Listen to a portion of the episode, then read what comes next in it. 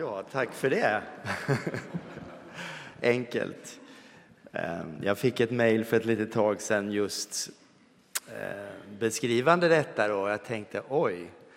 Så börjar man att tänka liksom oj, vad skulle Jesus ha sagt? Och det kanske på, på ett sätt först ehm, känns som, ja men det är väl inte så svårt.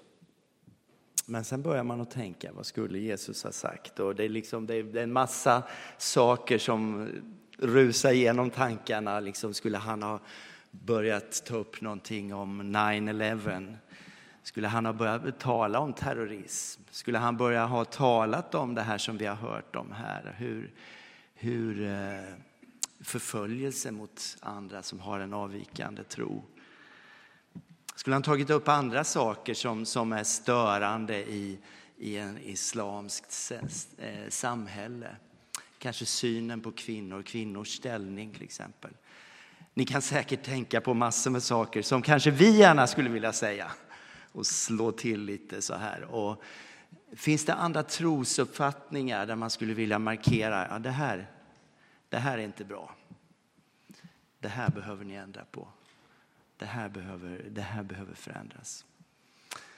Och jag brottades med det här. Jag tyckte det var jättejobbigt. Och det, är klart, det är väldigt lätt att börja tänka så här. Då började jag tänka lite i, i de här banorna. Ni får ha ursäkt med mina lite kanske flummiga tankar här idag. Nu. Men det är ditt fel alltihopa Fredrik, så skyll på honom. Det är alltid ditt fel.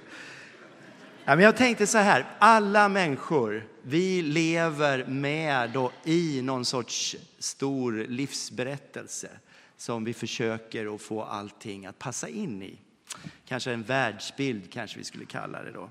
Och allt vi ser och, och hör och, och, läser och möter, människor vi möter, på något sätt så försöker vi processa det här och så försöker vi passa in det i i den här världsbilden då, eller den här berättelsen, den här storyn, vad vi nu kallar det. Och så kanske vi ibland möter någonting som inte riktigt passar in och då känner vi då kanske vi måste göra en liten justering i vår, vår världsbild, hur saker funkar, hur saker är, vad man ska tro och vad som är rätt och vad som är fel. Jag tror det är så här, jag vet inte om ni håller med mig, men jag tror det är så här att vi alla bär på en sorts eh, story som vi tycker det här får livet och ja, vad säger man, make sense, för att bli för, förståbart för mig. Och jag tror att det här är, vare sig vi är kristna eller vad vi är, så har vi någon sorts sån här eh, världsbild som vi bär på. Och för oss då som, som eh, flesta av oss är säkert kristna, räknas som kristna. Vi lever kanske i någon sorts dubbelvärld också där, där vi bär på en kristen världsbild, en, en kristen story där Gud finns med, där Jesus finns med och där vi har på något sätt kommit in. Men vi, vi kämpar också med den här världsbilden som finns runt omkring oss där Gud inte finns med alls. Och vi försöker få det här att, att hänga ihop. Och jag tror att ibland så kämpar vi med att den här då kristna biten av vår berättelse, den skuffas ofta undan till ett litet hörn och vi har svårt att få det här att hänga ihop. Så tänkte jag då, hur är det då med, med en muslim? Hur är det för muslimer? De har också sin story, de har också sin berättelse. Den ser annorlunda ut än, än våran. Man tror på Gud naturligtvis, en stor Gud som jag tror ofta finns på ganska stort avstånd.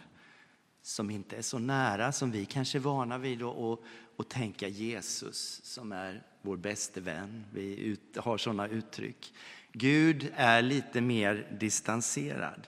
Det handlar om att vara underordnad Gud. Jesus finns med.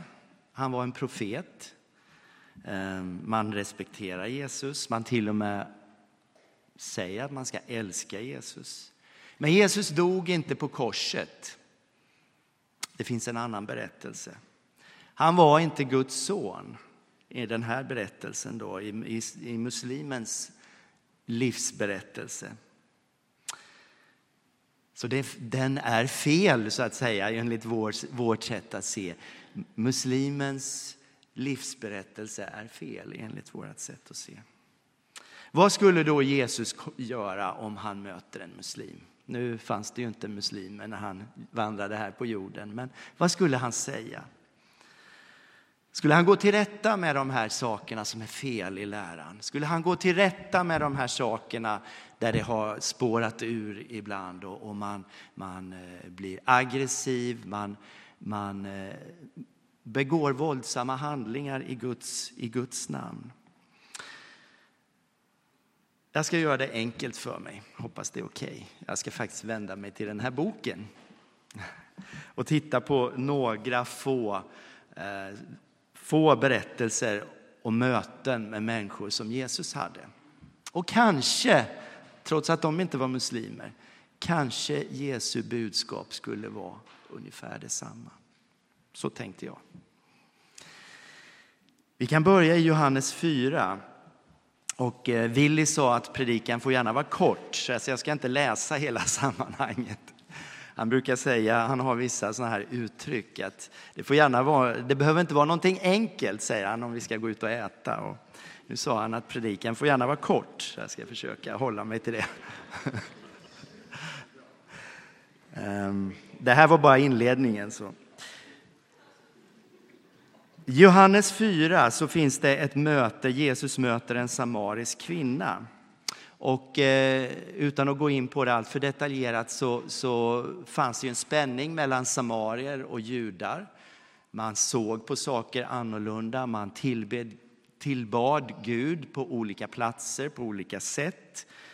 Och eh, här kommer då Jesus och möter en samarisk kvinna som eh, är där och hämtar vatten och Jesus börjar prata med henne. Det, ni vet säkert, det borde han inte ha gjort enligt alla kulturella normer. Dels för att hon var samarier och hon var en kvinna. Men han gör det, han bryter alla tabun. Och eh, de börjar ha ett samtal, han börjar berätta om det levande vattnet. Han berättar och vet om hennes liv det som inte kanske hon ville att någon skulle veta om. Det visste Jesus, han berättade för henne. Men han visar kärlek, han visar acceptans. Sen börjar hon prata om just den här skillnaden i tillbedjan. Vad är rätt? Vi tillber så här, ni tillber så här. Vad är rätt sätt att tillbe? Jag kan bara läsa ett par verser där. Eh, I vers 20, så, eller vi kan börja i vers 19 i kapitel 4 av Johannes evangelium, så står det så här. Herre, jag ser att du är en profet. Våra fäder har tillbett Gud på det här berget, men ni säger att platsen där man ska tillbe honom finns i Jerusalem. Då svarar Jesus, tro mig kvinna, den tid kommer då det varken är på det här berget eller i Jerusalem som ni ska tillbe Fadern. Ni tillber det som ni inte känner till, vi tillber det vi känner till eftersom frälsningen kommer från judarna. Men den tid kommer, ja den är redan här, då alla sanna gudstillbedare ska tillbe Fadern i ande och sanning. Ty så vill Fadern att man ska tillbe honom. Gud är ande och de som tillber honom måste tillbe i ande och sanning. Kanske att Jesus skulle ha sagt så här till en muslim. Om man skulle börja diskutera vad är rätt, vad är fel, hur ska vi tillbe? Ska vi be fem gånger om dagen? Ska vi, ska vi, eh, ska vi eh, vända oss åt det hållet? Eller ska vi börja knä? Hur ska vi göra? Jag tror inte att det är det som Jesus skulle fokusera på och säga, ni har fel. Det är inte så här ni ska tillbe. Jag tror att det är, handlar om någonting mycket djupare. Det står i det här sammanhanget att Fadern söker sådana tillbedjare. Gud söker tillbedjare som tillber i ande och sanning. Det viktigaste är inte var, hur, när vi tillber, utan det är att, vi får, att det här blir levande. Att det är ande och det är sanning. Sanning i Johannes evangelium, det, det, det talar om Jesus. Jesus var sanningen. Det är genom Jesus vi kan tillbe Gud. Det är i ande vi kan tillbe Gud. Oavsett var vi kommer ifrån, oavsett var, var vår tradition är, så är det bara i Jesus vi kan tillbe Gud. Det är bara i ande och sanning vi kan möta Gud. Det är en levande religion. Det handlar inte om att välja vilken religion är den bästa, utan det här är någonting levande. Det är en levande gemenskap. Det är inte bara en religion där vi ska välja vilken som, som har den bästa berättelsen, den bästa teologin. Utan här handlar det om en levande Gud, en levande relation med en levande Gud. Och det tror jag faktiskt att Jesus skulle säga till en muslim. Kanske vi tycker att han borde först tala om att de har fel och vi har rätt. Men jag tror faktiskt att budskapet skulle vara, han vill att vi ska känna den levande guden. Om vi skippar tillbaka ett kapitel till Johannes 3 så är det ett annat möte med en, eh, en farisé, eh, en person som satt med i eh, judarnas råd, en lärare, en kunnig man i, i lagen som visste vad det handlade om att, att eh, följa lagen, att känna till hur man ska tillbe Gud, hur man ska leva som en god eh, jude på, det, på den tiden. Han kommer till Jesus och söker upp Jesus. Och eh, eh, undrar, liksom, han säger Rabbi, vi vet att det är från Gud du har kommit som lärare. Ingen kan göra sådana tecken som du utan att Gud med honom. Och det finns en fråga, det finns en längtan. Vem är du? Vad, vad är detta? Och Jesus säger, sannerligen jag säger den, den som inte blir född på nytt kan inte se Guds rike. Den som inte blir född på nytt kan inte se Guds rike. Jag tror att det är vad Jesus skulle vilja säga till en muslim också. Du kanske vet allt, du kanske kan allt, du, du har allt på, det, eh, vad säger man, på handens fem fingrar. Du kan allt det där, men det hjälper inte. Och jag tror inte det hjälper heller om vi kan allt om kristen tro. Det hjälper inte om vi inte blir födda på nytt. Det handlar om liv. Det handlar om ett nytt liv. Det handlar om gemenskap. Så även om den här då storyn, den här berättelsen, den här världsbilden som vi lever i, även om den är rätt, det, det passar in precis. Jesus kanske inte har några synpunkter på att där har du fel, du ska tro så där istället. Där har du fel, du behöver justera det. Allt kanske är bra, är rätt. Men det handlar om att bli född på nytt. Det handlar om ett nytt liv. Det handlar om Guds liv i oss. Och det står också om längre fram i, i kapitel 3 så säger Jesus att anden blåser vart den vill. Det är vers 9. Och så är det också med dem som, som är födda av anden. Vi vet inte vart de kommer ifrån och vart de är på väg. Det är ett liv. Det är inte bara att hålla sig till, till en trossats, utan det här är ett liv där Gud själv bor i oss Gud vill komma och bo i oss och leda oss på det här sättet, precis som vinden ger liv och för oss framåt. Och så den tredje grejen här eh, som jag tror att Jesus gärna skulle tala med en muslim om. Det är från Matteus 16. Och det är verserna 13 till 17. Och där börjar Jesus med att undra, vem, vem säger folket att jag är? Vem, vem säger folk att jag är? Vem är Jesus? Och här diskuteras det Eh, och det, det, finns på något sätt med i hela evangelietexterna den här frågan, vem är Jesus? Det kanske inte alltid är solklart för oss när vi läser. Vi, vi, det är en sån här cliffhanger där vi, vi, vi vet inte riktigt. Det, är, det finns en spänning i det här. Det är en fråga som folket brottas med. Det är en fråga som lärjungarna brottas med och vi ser det i den här texten. Den finns där hela tiden. Romarna undrade vem är han? Judarna undrade vem är han? Pilatus, när, han står, när Jesus kommer inför Pilatus, han undrar vem, vem är han egentligen? Vem är han? Och naturligtvis så har det väldigt stora eh, implikationer om vem Jesus var. Var han en profet? En i raden av profeter.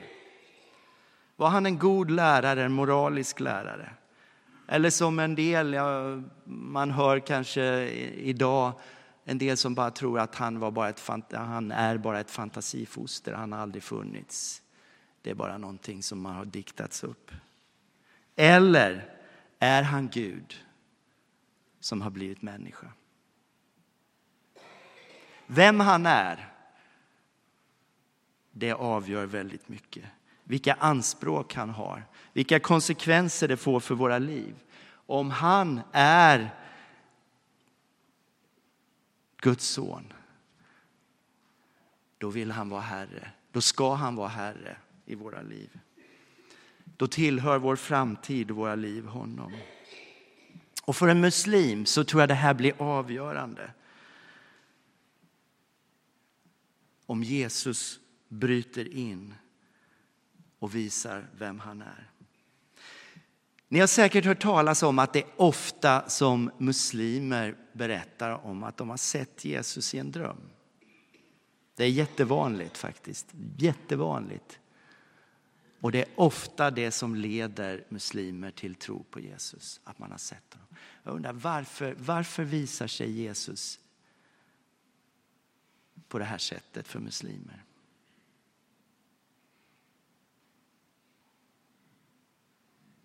Och det kan man undra. Jag vet inte om jag har något bra svar, men jag tänkte så här.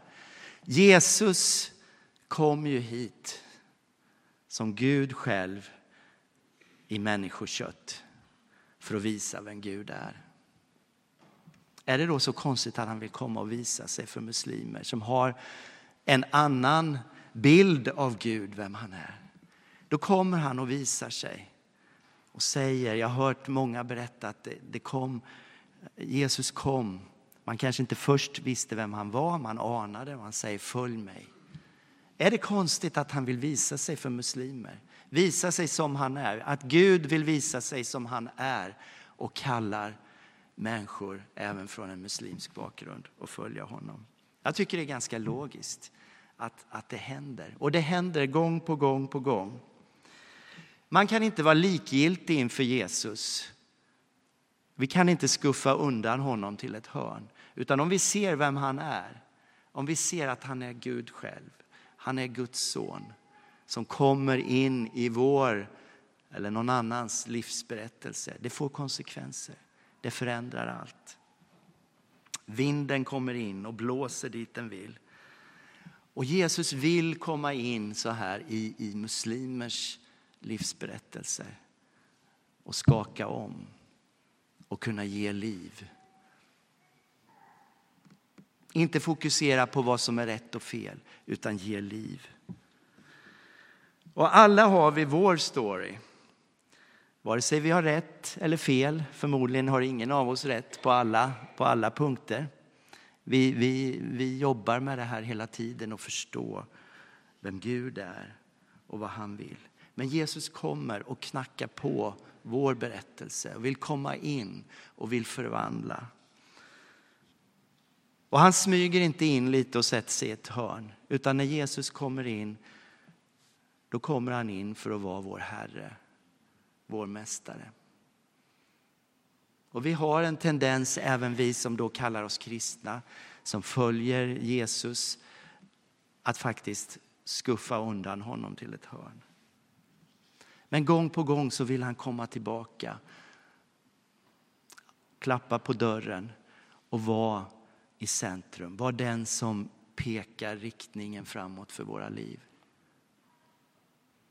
Gud har en mening med ditt och mitt liv. Det är inte bara att, att eh, vi tar emot honom och så sitter vi här och väntar på att komma till himlen en dag. Han har en mening med våra liv. Han vill att anden ska få leda oss hit och dit.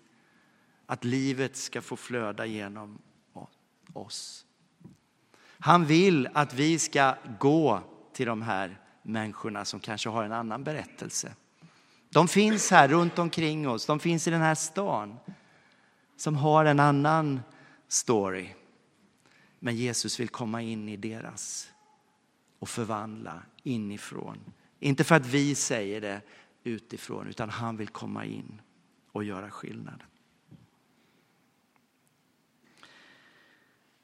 Det finns en jätteintressant outsider, skulle jag kalla honom, i första Mosebok 14 som heter Melkisedek. Vi behöver kanske inte slå upp det, men det, jag vet att Gud kallade Abraham, han kallade ett folk, han hade en plan för sitt folk. En nation som, som han skulle använda, en plan eh, som går genom eh, alltså Guds frälsningshistoria. Men så dyker den här Melkisedek upp. Som ingen riktigt visste var han kom ifrån. Han var präst, Guds präst i Jerusalem. Och han bara finns där. Och vi vet väldigt lite om honom. Var kom han ifrån? På något sätt passar han inte in. Och vi undrar kanske, gör Gud någonting utanför det som vi, vi vet om? Det som vi har koll på, så här ska det vara. Arbetar Gud där vi inte vet om det? Har vi gett honom tillåtelse att göra det här? Jag tror att det här är bara ett tecken på att Gud är mycket större än vad vi anar.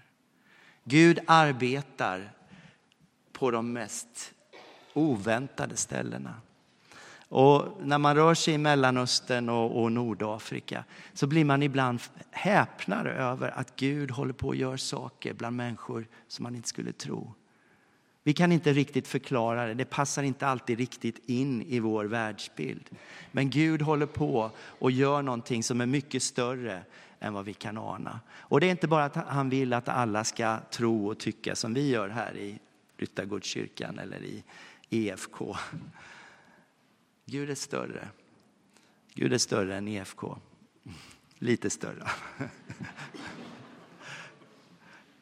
Han verkar på många olika sätt.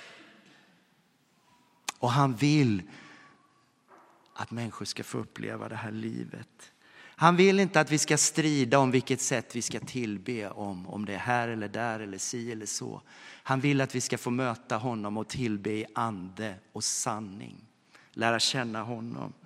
Han vill att det ska få vara ett riktigt liv, att vi ska födas på nytt. Att, att ha det här livet inom oss. Han vill att vi ska se vem han är. Att han är Gud själv. Han är Guds son. Han har kommit för att visa på vem Gud är. Det tror jag att Jesus skulle vilja säga till muslimer. Han kanske har en del annat han skulle vilja säga också. Men, men jag tror det är så lätt att vi hamnar i det här att de och vi. Vi och dem. Titta vad de gör. Men Jesus kom till den här jorden. Inte för att rädda dem som, som redan var okej. Okay. Han kom för att rädda syndare. Han kom för att dra människor till sig som var långt ifrån honom. Sådana som vi, som behöver honom. Han kom för att rädda muslimer.